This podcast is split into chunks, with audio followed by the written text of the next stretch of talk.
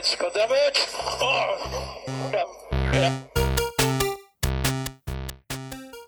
Hey hallo en leuk dat je luistert naar een nieuwe aflevering van F1 Spoiler Alert, de podcast van numrush.nl over Formule 1. Eh, tegenover mij zit Johan Voets. Hallo. En mijn naam is Marjolein. En eh, leuk dat jullie eh, weer luisteren. Leuk ook vooral dat wij er weer zijn. Zo, waar ben je zijn- geweest? Ja, op vakantie. Ja, dat. En, en, ja, en, en een hoop frustratie natuurlijk ook. Ja, een hoop frustratie. Op de een of andere manier, als Max uitvalt, dan voelt het toch minder... Nou, dan is er ook een hoop frustratie weg te werken Een natuurlijk. olifantenhuis, dat scheelt. Ja, dat is waar. We zijn nu een beetje eraan gewend. Eh, ik moet wel zeggen dat we toch echt een paar hele mooie races hebben gehad. Misschien moeten we die opnames gewoon vrijgeven. Van dat we toch een poging hebben gedaan. Wenend achter de microfoon. Zo van, oh Marjolein, het is weer zo ver. Ik moet zeggen, afgelopen eh, zondag tijdens de Grand Prix van Singapore, waar we het vandaag over gaan hebben. ehm, na de start riep ik wel, eh, ik, ik, ga, ik, ik zet de tv uit en ik ga fietsen. Jij ik, had, daadwerkelijk gewoon, ik- nou, jij- ik, ga, ik ga sporten als het zo doorgaat. ik had gewoon een wagen zin meer om die race uit te Ja. kijken eigenlijk. Maar eh, blij dat ik het wel heb gedaan, want eh, uiteindelijk eh, ja, was het toch nog wel spannend met een paar safety cars. En het was sowieso, vind ik, een van de meest eh, aantrekkelijke races van het seizoen om te bekijken. Alleen al door zijn setting in het donker, in een wat eruit ziet echt als echt een enorm indrukwekkende stad. Ja. Met regen. Ehm, ja, alleen eh, we moesten onze Nederlandse trots wederom even opzij zetten. En eh, Nou, volgens mij eh, ehm, eh, waren de superlatieven aan het begin van de race, niet alleen voor Max, maar ook in het algemeen voor de race zelf, kwamen tekort. ja, Het, het was natuurlijk de allereerste nachtrace in de regen, dames en heren. Eh, de beelden van de Porsche Cup die uitgesteld moest worden waren natuurlijk fantastisch. Ehm, het, het vuurwerk is natuurlijk enorm. Ehm, Ik dacht wel, ik dacht wel toen ik het voor de, de, de, verwachtingen waren enorm hoog gespannen. De eh, Red Bulls van Ricciardo en Max Verstappen die deden het eh, enorm goed in de vrije trainingen, in de kwalificaties. Iedereen had, had zijn hoop gevestigd dat dit toch wel de Red Bull race zou gaan worden. Ehm, en eh, ik, ik zag de beelden eigenlijk tijdens de kwalificatie. eh, eh, zag ik Singapore en het circuit liggen. En Max pakte natuurlijk een fantastische, net niet pole position tijdens de kwalificatie. Zijn beste kwalificatie van het hele seizoen. Super tof, dus hij werd ook geïnterviewd in de afloop. En toen dacht ik, misschien doet Max het wel beter... juist als hij niet in Europa is voor een thuispubliek. Want we hebben natuurlijk een hele zomer vol Europese Grand Prix achter de rug. Ja. Met heel veel oranje fans op de tribune. We zijn zelf bij de Grand Prix van, eh, van Oostenrijk geweest eh, in juli. En eh, ja, het is heel sympathiek om hem daar te zien. En er is veel contact met de fans. Red Bull maakt enorm veel leuke video's en, en, en, en specials rondom het feit dat er zoveel Max Verstappen fans zijn. Maar eigenlijk die vervreemdende setting daar in Singapore, wat echt een soort, nou, het, het is alsof je in een James Bond film eh, of, of een Jason Bourne of een, zo'n type film zit. Zo ziet de setting er eigenlijk uit. En ineens deed hij het hartstikke goed. Toen dacht ik, Max, die moet helemaal niet racen tussen, tussen de heikneuters eh, in Spa-Francorchamps.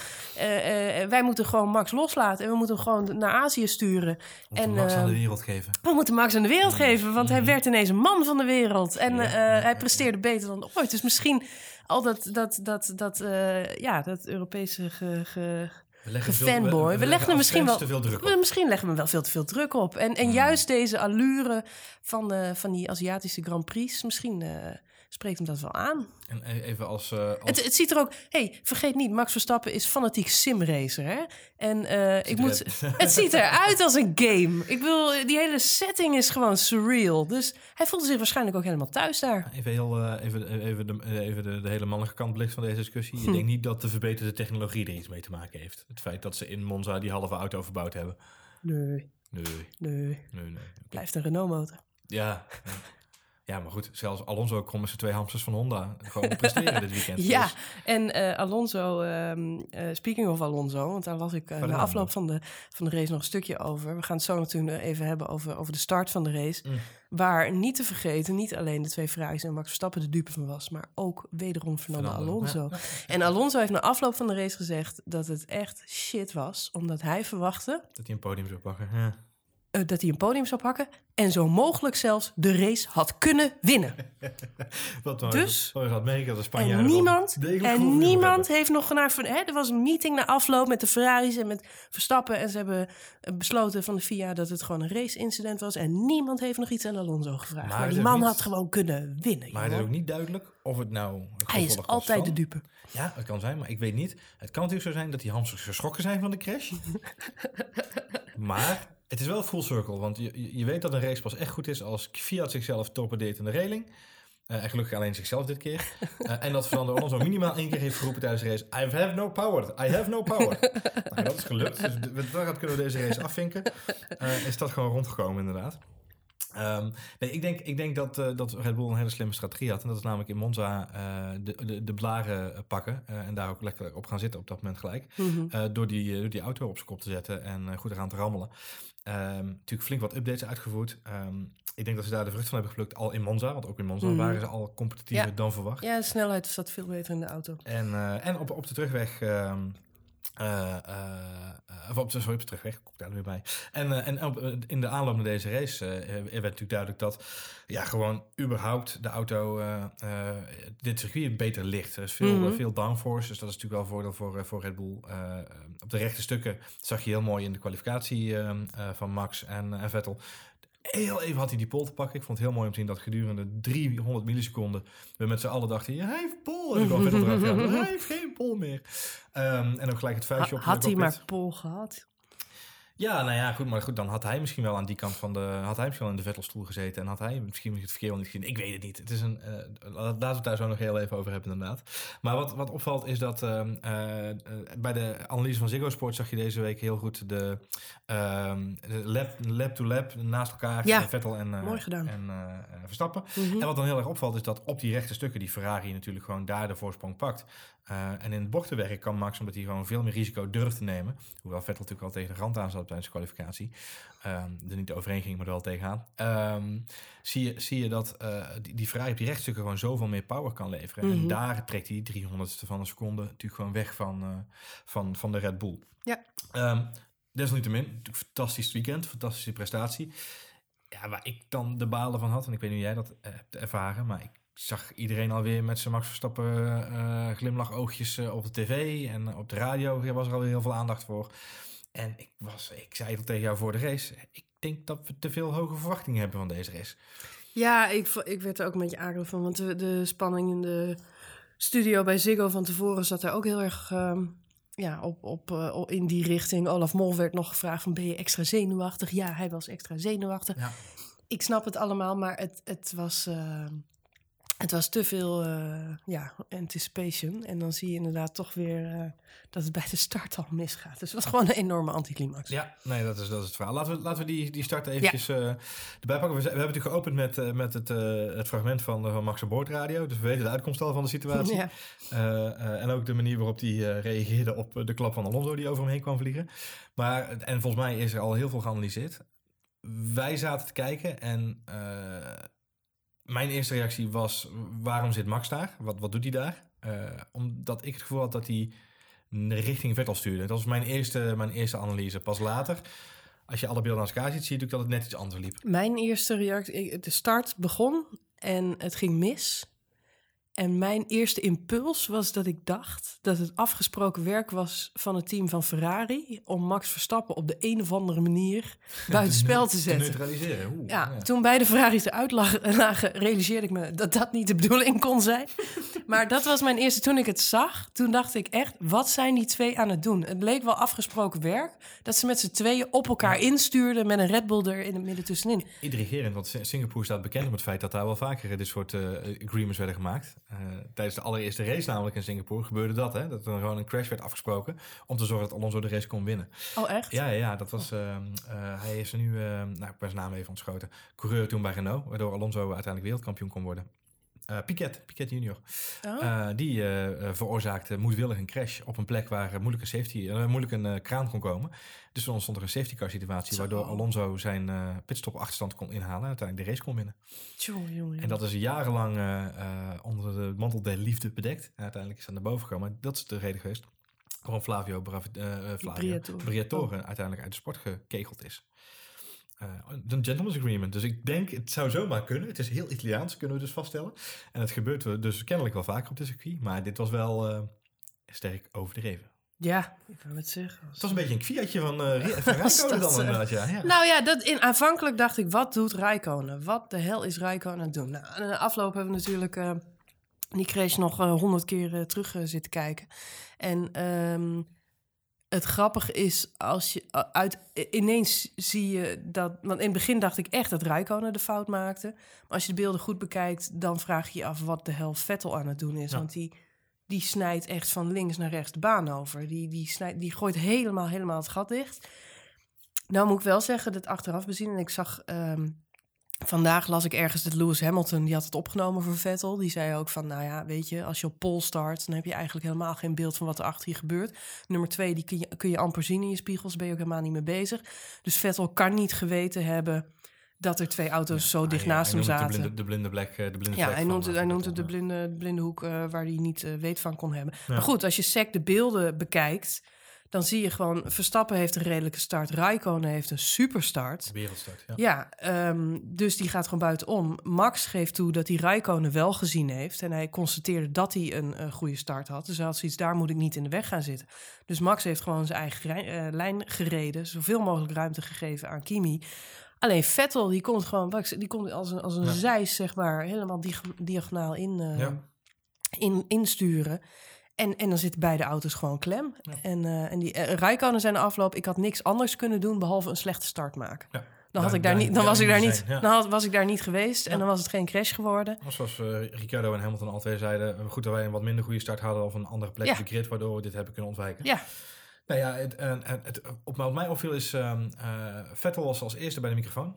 Ehm, hij viel natuurlijk in, in, in bocht 3 viel hij pas uit, omdat hij eh, uiteindelijk door, door Kimi geraakt was en zijn, eh, zijn koelvloeistof eh, begon te lekken. En daar, daar slipte hij over. Nou goed, voorvleugeltje eraf klaar. Het is helaas geen dragcar, dus Hm. hij, moest, hij moest ook zijn auto langs de kant zetten. Ehm, hij was als eerste bij de microfoon en dat is, ben ik van Vettel niet helemaal gewend. Want dat is normaal gesproken natuurlijk een type die wat langer wacht en misschien ook omdat hij zijn eigen emoties wat wil laten bekoelen. Wat mij opviel is, volgens mij had hij even een Xanaxje genomen voordat hij... ja, of is dat even, even te eigenlijk? nee, ik hij, denk was, dat... hij was heel gelaten in de, in de discussie. ja, maar ik denk dat dat komt omdat hij zich realiseert dat hij zelf mede schuld heeft aan. Ja, hij liet in ieder En- geval, hij liet in ieder geval wat, hij- wat ik goed vond dat hij liet merken is, hij zei gelijk, Max was beter weg. Ehm, eh, ik probeerde mijn lijn te sluiten, dat heeft hij ook toegegeven. Ja, Eh, en onderaan de streep maakte de uitslag niet uit, want er zijn gewoon drie goede coureurs uitgevallen in de Ja. eerste bocht. En eh, daar ben ik zelf slachtoffer van. Ja. Ehm, en eigenlijk was dat de strekking van wat ze alle drie zijn. Ja. Nou ja, Max, Max die, eh, die eh, eh, ging daar gretig op in bij Jack Ploy tijdens de race nog. Dat ook wel opvallend vond ik, want Max heeft de afgelopen weken eigenlijk vaak ervoor gekozen om als er iets gebeurde zo lang mogelijk te wachten met reageren. Of vaak zelfs pas, aan het eind van de race in het, in het fameuze vierkantje te verschijnen om de pers te horen staan. Max heeft er meer moeite mee dat zijn auto kapot gaat. Ja. Dan blijft hij langer in zijn kleedkamer dan wanneer hij door een race-incident van de baan wordt gereden. Want dat hoort bij de sport. Maar het feit dat zijn auto kapot gaat, daar wordt hij echt het meeste eh, link Ja, over. Dat eens. kan ik me goed voorstellen. Nou ja, dat ben ik wel met je eens. En dus zagen we een, een enigszins berustende en eh, eh, eigenlijk nog wel een soort van positieve Max voor de camera bij Jack Ploy. En hij zei het volgende over de crash. Het is, eh, het is natuurlijk eh, niet mijn jaar en dat is nu weer gebleken. Als je de beelden terugkijkt, zie je er echt wel dat jij gewoon niks doet. Je houdt je stuur mooi recht en je ziet Kimi gewoon naar rechts sturen. Ja, maar en Sebastian naar links. Ja, allebei dan. eh, dus Je wordt gesandwiched gewoon. Ja, ja dus eh, niet top, maar wat kan je dan doen? Ik denk, eh, je moet gewoon positief blijven. Het was gewoon weer een goed weekend. Alleen ja, de race weer niet, maar eh, snelheid is er wel. Ja, wat, wat opvalt, wat Max daar zegt inderdaad, is eh, positief blijven. De snelheid staat erin, eigenlijk wat we ook al zei, zeiden. En ehm, ja, ik denk doorgaan, hè, want het wereldkampioenschap is nog open. Ja, ja het, eh, het is nog open. Maar ja, Lewis Hamilton heeft natuurlijk nu wel eh, 28 punten voorsprong gepakt. En dat terwijl iedereen dacht dat dit nog het kantelpunt had kunnen zijn. Ik moet zeggen, na Monza had ik de hoop op Ferrari eigenlijk helemaal opgegeven. Omdat eh, Monza natuurlijk hun thuis Grand Prix is. Dat is, dat is de plek waar Ferrari wil winnen, wi- zich wil laten zien. Ik snap dat het circuit de Mercedes eh, veel beter lag, dus dat het gewoon technisch niet kon. Maar ik moet ook zeggen dat er is een soort. Aan het begin van het seizoen lagen Ferrari en Mercedes erg dicht bij elkaar. En in de loop van de races zie je gewoon Hamilton ja, zich herpakken. De auto is beter, de auto is sneller. De kwalificaties heeft hij allemaal ingepakt. Ehm, dus ik moet zeggen dat ik de Ferraris eigenlijk min of meer al had afgeschreven. En dat ik zeker van was dat Lewis Hamilton gewoon binnen nu een drie, vier races het kampioenschap in de pocket heeft. En, Echt waar? ja, dat denk ik wel. ja. Dat gevoel heb ik echt. Ja, nu, nu En toen- meer dan, dan, dan hiervoor. Maar hiervoor had ik nog wel een gevoel van open racing. Maar, Nee, ik heb, het, ik heb altijd het gevoel na het einde van het seizoen... en ik snap dat er nu hele andere circuits op de kalender staan. En Mhm. dat zag je natuurlijk in Singapore, o- o- Singapore ook weer. Maar ja, dit had dan het kantelpunt moeten zijn. En ik, had, ik, ik, ik was ook echt enthousiast, omdat het... Ja, ik, ik, ik haak altijd een beetje af bij Formule 1 als het een one-man show wordt. Eh, in het Schumacher-tijdperk er zijn jaren dat ik, dat, ik, dat ik races gewoon gemist heb... omdat het zo verschrikkelijk saai was. Die man die won elke wedstrijd. Ja. Ehm, en, en zo gauw de sport die kant op gaat, dat Hamilton alles wint, elke kwalificatie pakt, elke pole position. Ja, Bottas komt er ook niet meer aan te pas. Een paar races geleden hadden we het er nog over dat Bottas misschien een uitdager is. Nou, die laat ook gewoon, die, die settelt zich lekker op de tweede plekje. En, eh, en die, doet, ja, die doet een ruikonetje, zeg maar, in dienst, in dienst van de grote man. ja. Nou, daar heb ik eigenlijk al nooit respect voor, voor dat soort coureurs. Want ik vind dat je gewoon allebei eh, moet laten zien wat je waard bent. Ehm, maar goed, dat maakt dat de sport een beetje saai begint te worden. En ja, ik vond het, alleen al daarom vond ik het verschrikkelijk. Eh, ik ben geen Ferrari-fan, maar ik vind het verschrikkelijk om die twee auto's dan van de baan te zien klossen. Inclusief Max Verstappen en inclusief wederom Alonso, die, die wat mij betreft in de kwalificatie toch elke keer weer een smaakmaker van de sport is. Alleen die Ja. man die heeft zo verschrikkelijk veel pech met zijn materiaal continu. Ja. Eh, maar dat soort coureurs maken de sport interessant. Zelfs een Vettel maakt de sport interessant. Dat moet dit seizoen de luis in de pels van, van Hamilton zijn. En je zag het tijdens de kwalificatie, dat rondje wat hij eruit perste. Fenomenaal. Sebastian Vettel is gewoon één van de beste coureurs die op dit moment in de sport rondrijdt. Ja. Of je hem nou sympathiek vindt of niet. en de meeste Nederlanders die vinden Vettel niet sympathiek. Maar het is gewoon een hele goede coureur. En, en je, hebt, je hebt, zeg maar, eh, Lauda en Hunt, je hebt ze nodig. Ja, Je hebt, als, als je niet die twee hoofdpersonen in de Formule 1 hebt, is het seizoen saai. Kijk, voor Max is het gewoon een slecht seizoen tot nu toe. Dus hè, die gaat geen wereldkampioen meer worden. Je mag blij zijn als hij nog, eh, als hij nog vijfde plek eh, haalt in het kampioenschap. Een paar mooie races eh, rijdt, inhalen. En misschien een keer nog winnen, zou leuk zijn.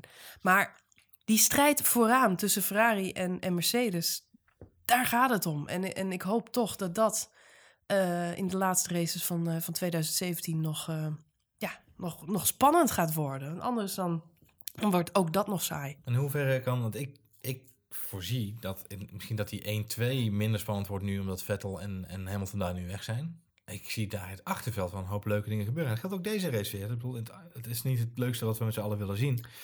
Maar als ik kijk naar Ricciardo, die kan nog achter Bottas aan. En ook nog naar Rijkonen. Hij is Rijkonen al voorbij zelfs. Eh, hij zou Rijkonen, eh Bottas nog achter zich kunnen houden.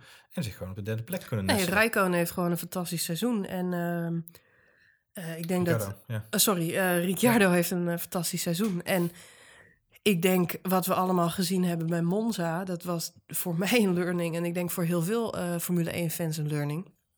Waarin je zag, Ricciardo, die is, wat is hij, acht jaar ouder, zeven of acht jaar ouder dan, dan Verstappen. Ja.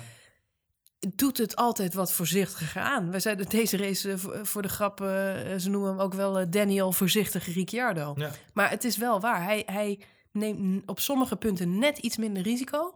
Maar daarmee staat hij nu wel vierde in het kampioenschap. Ja. En eh, dat is een les die hopelijk Verstappen eh, eh, ook dit seizoen krijgt. En ik denk dat dat niet kan missen, want de media die schrijven hier artikelen vol over. dus dat zal Max zichzelf ook wel denk, ik, denk, realiseren. ik denk dat wat jij zegt, en, en dat is mijn, dat is wat ik de afgelopen weken al veel over, over Ricciardo gezegd heb, is het is een hele geduldige en een hele vaardige coureur. En datzelfde geldt voor Lewis Hamilton. Ik weet, we hebben het net over Vettel, waar niet iedereen een groot fan van is. Ik weet van jou ook dat je niet de grootste fan bent van Hamilton. Ehm, eh, Te slik. nou ja, dat is meer in zijn, in zijn persoonlijkheid en niet zozeer in zijn drivestyle. Eh, hoe hij rijdt. En ook als je nu weer merkt hoe onzeker die af en toe in die auto zit. eh, het kan ook geacteerd onzekerheid zijn. Dat maakt nog niet eens heel erg veel uit. Dat zou me ook niet verbazen als zo is. Maar wat je merkt, ik vind Ricciardo en Hamilton in dat opzicht meer op elkaar lijken dan, eh, dan ik eigenlijk aan het begin van het seizoen had gedacht, of eigenlijk in de afgelopen seizoenen had gedacht. Mhm. In de zin dat Ricciardo laat, als hij een move laat zien, dus ook op Monza, hè, de- Mhm. de fantastische race van Ricciardo daar ook, fantastische inhaalmanoeuvre daar op Rijkonen, waarbij die Rijkonen echt voor het blok zet, waar hem vijf bochten eerder, of zes ronden eerder, nou, het is langer geleden, eh, Verstappen massa eh, eh, daar de touché hebben en, en het van, voor Verstappen daar in tranen eindigt. Daar haalt Ricciardo natuurlijk een fantastische move uit op, op Rijkonen. Met wel genoeg ruimte, met wel genoeg snelheid, op het juiste moment inremmen. Ehm, stuk minder risicovol op een heel ander moment, maar daardoor wel succesvoller. Nou, dat zie je gewoon een beetje nu terug. Heel hoop Nederlandse fans, eh, eh, en dat doet me dan altijd weer een beetje zeer als je kijkt op sociale media, reageren naar eh, Ricciardo toe dat hij overwinningen in zijn schoot geworpen krijgt. Maar laten we één ding heel eerlijk over zijn. Niemand krijgt punten in zijn schoot geworpen in deze sport. Want onderaan de streep, en dat geldt ook voor Hamilton nu weer deze race, moet je die auto veilig over de streep brengen. Er zijn veel mensen die zeggen, en daar hebben ze gelijk in. Sec genomen zijn veel dingen afgelopen seizoen niet Max Verstappen zijn schuld. Maar over tien jaar dan staan er alleen maar eh, eh, tabellen over dit seizoen nog in de boeken. En dan zegt iedereen, goh, die Max Verstappen, dat was eigenlijk ook een, eh, een onbetrouwbare coureur. Zo vaak uitgevallen, de helft van alle races niet gefinished, net zijn vader. Dat is naar, maar dat is wel hoe deze sport werkt Ja. met terugwerkende kracht denken mensen alleen nog maar dat was een slecht seizoen. Wat viel die gast vaak uit? Jos Verstappen, zijn vader, zijn carrière is daarop stuk gelopen. Is stuk gelopen op het feit dat hij niet betrouwbaar was, dat er altijd wat was. Dat was ook niet altijd Jos' schuld. Dat was ook gewoon domme pech. En Hm. die gast die was hartstikke jong toen hij begon bij Benetton. Ja. Maar dat heeft wel zijn carrière om zeep geholpen. Ik zeg niet dat het bij Max gebeurt, want zijn talent is vele malen groter. Hij zit bij een veel beter team. Hij wordt goed gecoacht. Je laat hem echt niet zomaar vallen. Ehm, maar het is wel belangrijk dat hij, dat hij dit seizoen leert. En, ehm, en, en ik zeg niet dat hij geen risico meer moet nemen. Want ik denk, ik denk dat dat zijn de type coureurs waar ik van hou. Ik denk ook dat Max veel meer lijkt op bijvoorbeeld eh, Sebastian Vettel als coureur... dan dat hij op een Hamilton lijkt. En wat jij zegt over Ricciardo, dat is waar. Maar ja, wie wordt er dit eh, jaar weer wereldkampioen? Waarschijnlijk Hamilton. Ja. Met andere woorden, eh, hè, Lauda en Hunt, de sport hangt erop. Mhm, en ja. ehm, Eens? Ja, nou ja, we zullen het zien. Maar het zou fijn zijn als Max natuurlijk, eh, en voor Vettel geldt hetzelfde. Uiteindelijk moet je toch een beetje van die, van die Ricciardo en Hamilton trekjes overnemen. Om, eh, om, om die punten veilig te stellen. Ik Ik, vind- hoop dat hij dat. eh, Ik, ja, nee, eens, Ga doen. eens. Ik, vind- ik vind wel, nog, nog heel even kijken naar de race van zondag. af en toe even van het gas af. Ja, exact. En, en, en dat- eh, en als je het dan een keer wil doen, zorg dan dat je niet in een sandwich zit bij twee Ferraris. Want dat is een Italiaanse sandwich waar je niks aan hebt. Als ik even kijk naar, eh, naar eh, de strijd erachter. Jij geeft zelf aan, dan, eh, na het uitvallen van Max, dan heb je zo de balen. En dan zou je eigenlijk, dan wordt de race bijna saai, zou, je, zou, zou je willen zeggen. Ehm, Mhm. Als ik dan kijk naar afgelopen zondag, gebeurt er natuurlijk nog voldoende. Ja, in het achter. Want jij zei, jij begon net over het achterveld. Ja. En ik moet zeggen, Ja, want dat is mijn volgende Het- achterveld het inderdaad. Ja. kost me soms wat moeite om daar enthousiast over te raken. Maar eh, wat grappig was bij deze race... eh, van tevoren werd gezegd... Singapore is een circuit waar je amper in kunt halen. Ja. En ik heb een partij inhaalacties gezien in het achterveld. Ja, En voornamelijk ook verdedigende acties. Magnussen heeft echt een aantal keren laten zien waarom die door de meeste coureurs in het, eh, in het veld eh, de grootste asshole van het, eh, van het circuit wordt genoemd. Dat, dat onderstreep je ook nog maar eens een paar keer met een paar moves. Ehm Stoffel van Doorn heeft een paar keer er ook wel even zijn punt gemaakt. Wat mij opviel over, ik weet niet of jij dat ervaren hebt, maar twee momenten achter de safety car. Eh Stoffel van Doorn op Felipe Massa, die komt uit de pitstraat rijden en die gooit hem er gewoon voor. Eh, hij zat er niet eens voor, maar hij gooit hem in de bocht daarna wel voor, volgens Mhm. mij. En, en Ricardo haalt op een gegeven moment Hamilton in achter safety Ja, dat Horen mag we meer helemaal. over Horen, we helemaal Nee. niks meer Op over zich, terug. op zich prima. Dan moet ik wel zorgen bij die move van Ricciardo. Want eh, Olaf Mol die ging helemaal uit zijn plaat. Die zei, Ricciardo, dat mag niet. Ga ja. terug. Ja, maar Hamilton Maar- op. Ik wou net zeggen, die, oh, jongen, jongen, jongen, jongen. Ricciardo, die wist niet wat hem gebeurde. Die moest wel uitwijken en hem voorbij schieten. Ja. Want Hamilton die ging bijna stilstaan op de, op de startstreep, Ik denk, zeg ik denk, maar. ik denk, ik weet ik, heb, ik kan me niet meer zo helder voor de geest halen, want ik zat op dat moment eh, eh, even de, de tijden in de gaten te houden en eh, te kijken wat eh, de puntentelling zou gaan worden. Dus ik heb het niet 100% helder gezien, maar het zou mij niet verbazen als eh, eh, Hamilton daar weer een kleine breaktest eh, uitvoerde. Ehm, eh, waar we natuurlijk met Vettel al eerder dit seizoen... eh, En daarna was eh, het was eigenlijk wel slim. Want vol- volgens mij was Ricciardo zo bang dat hij daar een penalty voor zou krijgen. Dat hij zich enorm liet terugzakken. Ja. Hij, hij wist niet hoe gauw hij moest remmen. Hamilton weer voorbij moest laten gaan. Daarna heeft hij een enorm gat laten vallen. Mhm. Met andere woorden, die hele herstart die was niet eens spannend. Want Ricciardo het ziet, nou, ga jij er Nou, maar vandoor. dat is- dat Want ik de- moet die penalty niet hebben. En die heeft hij dat ook- dus ook niet gekregen. Dit is ook de kracht van Hamilton. Eh, eh, geen enkele herstart was spannend deze keer. En Hamilton gooide hem elke keer op het juiste moment in de Ik bocht. heb niet eens in de gaten wanneer de herstart precies is. Weet je Nou, dat? eh, Het is, het is op zich te zien. Als Achter je let, Hamilton. inderdaad. Als je hem ziet, dan, dan heb je hem door. Je weet precies op welk moment hij hem eruit gooit. Maar hij gooit hem met een... Hij, heeft er echt een, een strategietje met een, voor. Met En ik snap, ik snap nu beter hoe, hoe boos Vettel was dat hij hem zeg maar even aanreed. Want het is echt een Hamilton dingetje. De herstart van Hamilton. Ah ja, het is, het is in die zin... Ik denk dat dit, dit was een testmomentje. dat was bij Vettel toen ook. Maar los van, van die, die plagerijtjes, want zo zie ik het een beetje. Er waren natuurlijk drie herstarts deze race. Ja. Eh, alle drie snaar strak. En alle drie gewoon echt op het juiste moment het pedaal intrappen, terugschakelen en in die bocht met een bepaalde G-kracht er doorheen jakkeren. Waardoor je gewoon een voorsprong opbouwt. En hij gooit hem in één keer Het naar is één bijna niet spannend. Het is bijna niet Het is- spannend. het is hij een- knalt er Hij gewoon heeft het eigenlijk down tot een wetenschap. Ja. Ehm, Ik, ik vroeg me af, want de laatste herstart maakte hij zich nog zorgen over het feit dat er weer een safety car was. Ik snap Ja. het wel, want volgens mij had hij op dat moment al 16 seconden voorsprong opgebouwd op Nou, Ricciardo. ja, ja. tij- tijd, eh, het tijdregistratiesysteem werkte niet helemaal goed. Dus het sprong van 16 naar 20 naar 8. Dus nou, ik weet niet zeker hoeveel het was. Dat is wat we, wij, wij houden het daar nog heel even van. Palmer die had op een gegeven moment de race gewonnen. Eh, en die, toen was hij weer eens laatste. ja, Ja, maar serieus, op de officiële uitslag staat Palmer als eerste. Dat is, oh, dat meen je. ja, dat ging helemaal mis. Die had problemen met zijn transponder. Nou, die was ineens helemaal naar achter in het En veld. Eerst reed hij twee, toen reed hij achteraan. toen Ik denk, wat is met Palmer aan de hand? Maar wat het verhaal is met Ricciardo, en dat kwam na de ramp pas naar buiten, dat bracht eh, Christian Horner naar buiten, is dat Ricciardo een probleem had met zijn versnellingsbak. Wat Ja. geen verrassing mag zijn, want Max Verstappen heeft in de vrije Ook. training ook de auto langs kant moeten zetten vanwege een probleem met de versnellingsbak, wat, waarbij de auto vanzelf begon te Ja. schakelen en terug begon te, te, schroeven. Ze waren al blij dat hij eh En bij, eh, gefinished is. Precies, bij Red Ja. Bull, eh, bij Ricciardo begon inderdaad die hydraulica weg te vallen. Dus daar waren ze erg blij dat, dat de auto het überhaupt hield. Ja. Dus de, de, de, de momenten waarop we Ricciardo inderdaad echt zagen wegvallen, had ook te maken met het feit dat hij gewoon een technische malheur had. Ja. Ehm, wat, ehm, eh, ja, nogmaals, die, die ruimte was inderdaad 16 seconden op dat moment en, en, en zelfs 17 seconden. Ehm, en, en dan toch even nog heel snel de, als we het toch over Red Bull hebben en over secondes voorsprong, de falende strategie bij Red Bull als het gaat over de zogenaamde undercut. Ik word er helemaal... Ja, maar ja, Mercedes is niet voor één gat te vangen. het enige wat er echt aan, eh, aan werkt is dat het kut is. Eh, want Ja, het werkt gewoon nooit. nee. Het enige... eh, Het heeft, het heeft wel gewerkt. Wanneer was het in Monaco? Ja, maar dat was een, een, een, een, mazzeltje. En dit nu ook weer. Olaf Mol op het puntje van zijn stoel. Waar komt hij uit? Waar komt hij uit? Ik geloof dat de voorsprong 40 seconden was of zo. op 39 seconden was voorsprong. helemaal los. 39 seconden voorsprong op Jordan Palmer op nummer 2 op dat moment. Dus, eh, want Ricciardo reed dan met de derde stack.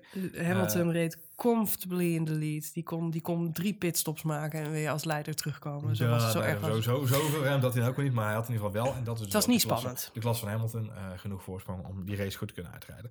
Hey, ehm, ehm, eh, ik, ik, ik wilde eigenlijk nog eventjes iets zeggen over de, eh, over de, de, de handpomp van Hulkenberg, maar dat laat ik even gaan. Hij heeft hem uiteindelijk wel moeten heeft moeten stilzetten. Ja, ja, hydraulica was natuurlijk weggevallen. Dus ze hebben nog wel wat lucht ingepompt, maar uiteindelijk bleek het niks te zijn.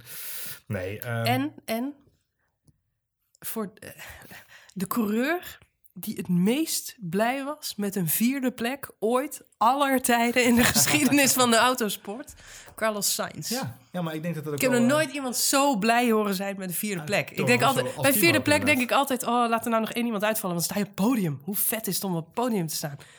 Ja, deze gast was gewoon al helemaal blij met de vierde plek. Ja. Terwijl ik denk, je krijgt niks. Je zet die auto neer, je gaat douchen, je gaat naar huis. Weet je, je krijgt alleen maar een paar puntjes. Maar Zoals, zoals op de tv zijn dat hele belangrijke punten voor Toro Rosso in het Ja, dat wel, dat Dus dat is sowieso waar. Daar hangen Ja. natuurlijk gewoon eh, bonussen aan vast en, eh, en sponsorbedragen die uitbetaald mogen worden. Ja. Dus Toro Rosso heeft ook eh, de handje in de lucht gesmeten. En voor Sainz natuurlijk een, ehm, een, een goed moment om even die punten Ja. te maken. Eh, deze week bekendgemaakt dat hij naar Renault zal overstappen volgend Mhm, jaar. mhm. Eigenlijk zien we dat in de topteams eh, de stoeltjes allemaal wel een beetje vergeven zijn. Ja. Ehm, eh, Bottas heeft bijgetekend deze week. Eh Perez heeft eh, bijgetekend deze ik denk week. dat hij blij is dat hij weg is bij Toro Rosso. Want Toro Rosso die rijdt volgend jaar met die, Met die bra- hamsters met van die, Honda. bra- met die brakke Honda motor. dus eh, iedereen wil daar weg zien. Er zijn, mensen die denken, er zijn mensen die denken dat ze volgend jaar bij Honda het wiel eh, opnieuw gaan uitvinden. Laat ik even eerlijk. Ja. Ehm, ik hoop het. Want ik, nogmaals, het is te gek als Toro Rosso, als Honda überhaupt gewoon competitief is in, eh in, in welk net en welk team ze was, zijn. het was goed nieuws voor Alonso, want die zijn dus eh, bij McLaren zijn ze van de Honda motor af. Hij mag eigenlijk meer Dat is een Ja. huwelijk wat, eh, wat op een scheiding is uitgedraaid de afgelopen weken. Eh, als je daar meer over wil weten, moet je vooral even online eh, naar het onderwerp zoeken. Want die twee konden elkaar echt niet meer luchten of zien. Nee, nee, nee. nee. En eh, Honda gaat dus volgend jaar motoren leveren bij het team van Toro Rosso. En Renault zal de motoren bij McLaren gaan leveren. Ja. Dus Alonso heeft nog niet verlengd. Nee. Maar als ik het goed begreep, was dat alleen nog maar een formaliteit. Gaat het een beetje over salarisonderhandelingen. En, Het zou leuk zijn, want Van Doorn heeft wel verlengd. Dus dan hebben ze in ieder geval dezelfde drivers weer als dit seizoen. Wat ik al zeg, de, de- volgens mij de top staat nu wel een beetje vast. Ja. Eh, Mercedes, Ferrari, Red Bull. het zou leuk zijn als eh, McLaren volgend jaar weer mee kan gaan doen om, eh, om de punten.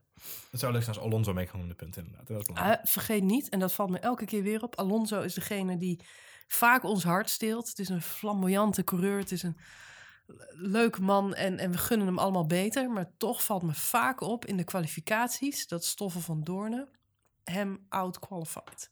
En in de schaduw van Alonso is Stoffel van Doornen een verdomd goede coureur. Aan het goede, ja, zeker. zeker. Dus, eh, dus ik denk dat het weer een mooi team wordt. Volgend zegt jaar. inderdaad, Sainz, eh, Sainz eh, weg bij Toro Rosso, zou hij blij mee zijn. Maar hij komt me in een, in een kinderboerderij terecht bij Renault. Een beetje dat toestand lijkt, daar. dat hè? lijkt wel een beetje Smalland bij de plaatselijke Ikea, zullen we zeggen. Want nu mag en Palmer nog opgehaald worden in Smalland. ja, die is exit, hè? Die heeft een zakje geld eh, op zijn rug gekregen van, eh, van de plaatselijke Ikea. En die mag niet opgehaald worden uit het speelparadijs. Nee, het is, het is absurd. Ehm, eh, even samenvatting dus dat Carlos Sainz heeft getekend bij Renault deze week voor volgend jaar. En Ja. volgens mij voor het seizoen erop ook gelijk al. Ehm Palmer, die was niks Palmer, verteld. die wist van niks, dus die zat op een Die las, die las in de krant. Die, eh, die Waarschijnlijk dacht, niet in de oh, krant. Die las op het internet. dat hij weg Ik moest. de krant inderdaad, ja. Hij kreeg, hij kreeg een Raven. uit, Klinkt eh, zo lekker. Het bekt ja. zo lekker. Ehm, nee, die moest inderdaad eh, via zijn schoonmoeder horen dat hij inderdaad eh, verdwenen was. Veel beter, zijn schoonmoeder moest het vertellen. Ehm, ondertussen eh, heeft volgens mij Hulkenberg daar bijgetekend weer voor een jaar. Dus, dus ze hebben daar Hulkenberg, ze hebben Sainz. Ze hebben dus in principe Jordan Palmer nog voor een contract voor een mhm. jaar. Eh, en dan hebben we daar nog eh, de, de, de man uit de superheldenfilm. met, de, met de mechanische arm zou ik willen zeggen. Kubica. Kubica, Ja. Of Kubi- Kubica. deze week- Kubica. Ik, ik spreek nog steeds geen Pools. de, Dus. de Cubinator. Wat we nu zien is dat, dat, dat Kubica nu ook weer genoemd wordt. Eh, Kubica. Je maakt een soort Kubica. Kubica, Kubica. Kubica. Het is, Kubica. ook een beetje een magische Rubik's Cubes. Ehm, eh, Ku- Ku- Kubica wordt nu weer genoemd om ook terug te keren in de Formule 1. Nadat hij natuurlijk succesvol getest heeft bij Renault. Het team waar hij ook ooit succesvol was. Ehm, maar, omdat ze natuurlijk bij Renault nu al eh, meer, meer coureurenbillen hebben dan dat ze stoeltjes hebben... eh, wordt nu genoemd dat Kubica naar Williams zou gaan. Ku- Dus, ehm, hey, je zit zo lekker te fluisteren. Ik denk, ik doe even met je mee. Kunnen we ook gewoon Robert noemen. Robbie. Robbie. Er gaat ook de robot weer aan hier. Nee, ehm, dus, eh, want wat was het verhaal? En dat wist eh, natuurlijk onze eigen Evert Zandgoed van de Formule 1, Robert Doornbos, ons te vertellen. Ehm, eh, Kubica heeft als nieuwe manager Nico Rosberg. Ehm, en Nico Rosberg is natuurlijk de oud-wereldkampioen en leeftijdsgenoot. En Rosberg zou hebben aangeboden bij Williams dat hij wel eh, wat PR-werk zou kunnen gaan doen voor Williams slash Martini met name, hoofdsponsor van Williams. Mhm. Eh, in ruil voor een eh, stoeltje hij, voor, ziet eh, wel als, hij ziet zichzelf wel als James Bond in een van de resorts. Een beetje martini weg, Ja, weghappen. ja En dat doet hij dan als, als geste, zodat Kubica daar eh, kan zeker. gaan Ja. rijden. En, en een beetje zoals eh, eh, Rosberg uit zijn ogen kan kijken, shaken, not stirred. Dat is een beetje de, de, de rol die. eh, die hij had een nieuwe baby, hè? Alweer? Ja. Nou. Hij had een hele YouTube-vlog gepost met Kunnen zijn we nieuwe baby. officieel vaststellen dat Nico Rosberg meer kinderen dan wereldtitels heeft? Hij is een soort dad-blogger. Oh god, Ja, hij is echt heel schattig. Zit hij met zo'n roze, het is weer een meisje. En nou, dan zit hij te dad-bloggen. super tof. Vloggen. Ja, ik ga nu al niet abonneren. Ehm, even kijken. Nou, volgens mij, eh, volgens mij is het gewoon tijd om de spul in te pakken. Dat hebben ze bij Ja, Ferrari al aan één het gedaan. klein, één klein leuk nieuwtje wat ik nog las. er zijn natuurlijk een hoop veranderingen dit jaar in, eh, in eh, Formule 1 qua... Formule 1 heeft een nieuwe eigenaar, Hmm. Liberty Media. Dus je kunt merken dat de sport een beetje aan het veranderen is. Er, is, eh, hè, er worden interviews afgenomen op de grid, direct na de kwalificatie. Het is allemaal wat meer showbiz, wat meer glamour. Uh, Er is een inderdaad, ja. e-sports kampioenschap gelanceerd. Met andere woorden, de, de sport is echt duidelijk aan het eh, rock en rolliseren. Ja, Na al die jaren stilstand en, eh, en hetzelfde onder Bernie Ecclestone. Ehm, iets waarmee ze deze Grand Prix getest hebben, mhm. Zijn eh 360 graden camera's. Oh ja, ja. Die stonden op twee punten eh, op het circuit. Er stond er eentje in de paddock en eentje op, eh, op Anderson Bridge. Wat natuurlijk een heel mooi eh, punt is. En ehm, ja, dus is een techbedrijf en die is daarmee eh, Ja. aan de slag gegaan. En eh, als ik het goed begrijp, dan heeft de FIA echt serieuze plannen om 360 graden beeld van een race eh, ja, op termijn. Ja. ja, te gaan aanbieden. En dat betekent dat je dus echt ja, op een punt op het circuit gewoon 360 graden Ja. om je heen en hopelijk op meerdere punten, zodat je de race echt kunt ervaren alsof je daar eh, zelf bij bent. Liberty test daar heel erg veel mee. Ook in de NBA in Amerika wordt daar Ja. natuurlijk de basketbalcompetitie. En in de NFL dit jaar, in Ja. de voetbalcompetitie, wordt daar ex- explosief mee getest. En ehm, eh, het zou mij niet verbazen als we dit jaar, eh het zal bij de Formule 1 te vroeg zijn, maar het zou me niet verbazen als we dit jaar bij de Super Bowl, vorig jaar zagen we daar al de eerste initiatieven mee, dat we echt op dit moment dit jaar de grootschalige verkoop gaan zien van virtual reality tickets, om het zo maar even te noemen. Mhm. 360 graden camera tickets die je kunt bestellen, waarbij gewoon de eerste rij van het stadion gevuld is met cameraatjes. En dan kunnen er gewoon een miljoen mensen zitten. Ik moet het allemaal nog wel zien gebeuren hoor. Want ik moest weer erg lachen om de, de camera's die op de champagneflessen bevestigd zijn. Want eh, eh, Olaf Mol die zei op een gegeven moment terecht... eh, Hamilton die zette een atje op die fles en die camera die hing echt recht in zijn snuffert. Of Olaf zei, nou als je een keer iets met die beelden had willen doen, dan had je het nu moeten doen. Want Ja. dit is een shot, dat is natuurlijk priceless. Ja. Maar ik, ik zie ze zelden gebruikt. eh. Ze worden op Instagram gebruikt. Dat is het verhaal. Je kunt natuurlijk, die GoPro kunnen ze niet livestreamen, eh, Oké. helaas. Eh, alleen maar via moeilijke omwegen. Dus dat, Hmm. wat ze dus doen is inderdaad die beelden uitladen en vervolgens op social media gebruiken. Wat natuurlijk ook heel duidelijk zichtbaar is, is dat ze daar heel erg mee experimenteren zijn. Erg leuk om te volgen. Dus als je het nog Veel niet doet... meer eh, beeldmateriaal Ja. online. Ja. Zoek op Instagram even, eh, als je dat gebruikt, eh, de verschillende coureurs op. En vooral ook eh, de Formule 1 eh, eigen account. Want ik vind dat erg leuke content. eh. Er is nog één geruchtje waar ik mee wil afsluiten. Wat ik deze week nauwlettend in de gaten zal gaan houden. Mhm, En dat is het verhaal wat nu de ronde gaat in de paddock. mhm. Dat Red Bull misschien wel zou gaan overstappen naar Aston Martin motoren. Enter James Bond muziek.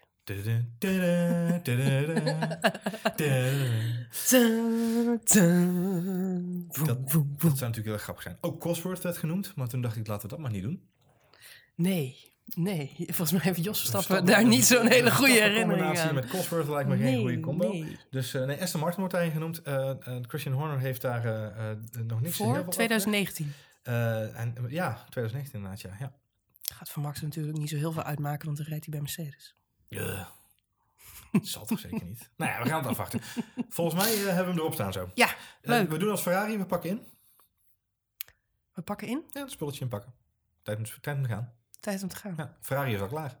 Ferrari is altijd eh, snel naar al- huis. Die waren al vrij snel klaar. Dus eh, klaar. op naar de volgende race. Op naar de volgende race, Grand Prix van Maleisië, is Yes. over twee weken. Als ik het goed heb, of is hij dit weekend al? Nee hoor, nee. Over twee weken. Goed, dus over twee weken, dan zijn wij er ook weer met een nieuwe F1 spoiler alert. Stukje agenda management Marjolein. Ja, Ik, eh, ik kijk nooit te ver vooruit in het leven, dat moet je ook niet doen. moet je ook niet doen. Nee. nee. Ehm, wil je reageren op Het deze leven komt op podcast? je af met 300 km per uur. Dat is Formule 1. Als je Kimi Räikkönen, nee, terwijl je. Nee, dat, dat is de muur. Dan komt de muur met 300 km per uur op je af. Dan ben je Daniel Kviat. Goed. Goed, Wil je reageren? wil je reageren op deze podcast? Dan kan dat via Twitter naar Eet Johan Voets. of naar Marjolein. Eh, je kunt ons ook volgen eh, eh, op diverse andere kanalen. We bloggen natuurlijk, we schrijven, we maken leuke content over Formule 1 en over andere technologische en innovatieve en sportontwikkelingen op numrush.nl. We zitten ook op Instagram, op Facebook, op Twitter en al die andere kanalen. Ehm, en wat we heel erg leuk zouden vinden, is als je een review op deze podcast achter zou willen laten. Dat Ja. helpt ons namelijk om beter gevonden te worden. Ik ben elke keer weer trots op dat we best wel hoog staan in de top 10 eh, goed beluisterde sportpodcasts in Nederland. Zijn er natuurlijk ook niet zo heel erg veel, maar ehm, ik vind het leuk dat we daarin staan. En eh, als je nou even een rating achterlaat, dan eh, zorgen jullie ervoor dat we ja, in de zoekresultaten lekker bovenaan kunnen groeien. En dat we kunnen groeien. En het, hoeft, groeien. het mag Passie. een eerlijke Liefde. rating zijn. eh, daar leren we ook van. Zeker. Ehm, bedankt voor het luisteren. Ja. En heel graag eh, tot na Maleisië.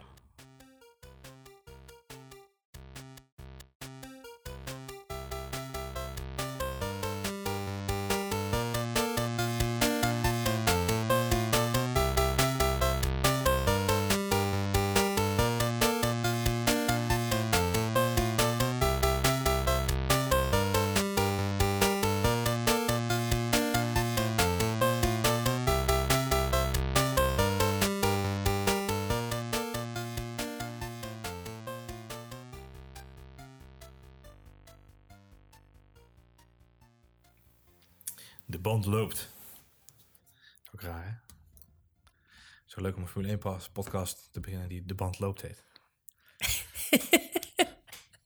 Dat doen we volgend seizoen. Dan wordt niet verwarren met De band loopt. Want? Nou, dan moeten we met z'n allen trompetten en van die gekke hoedjes. Hm.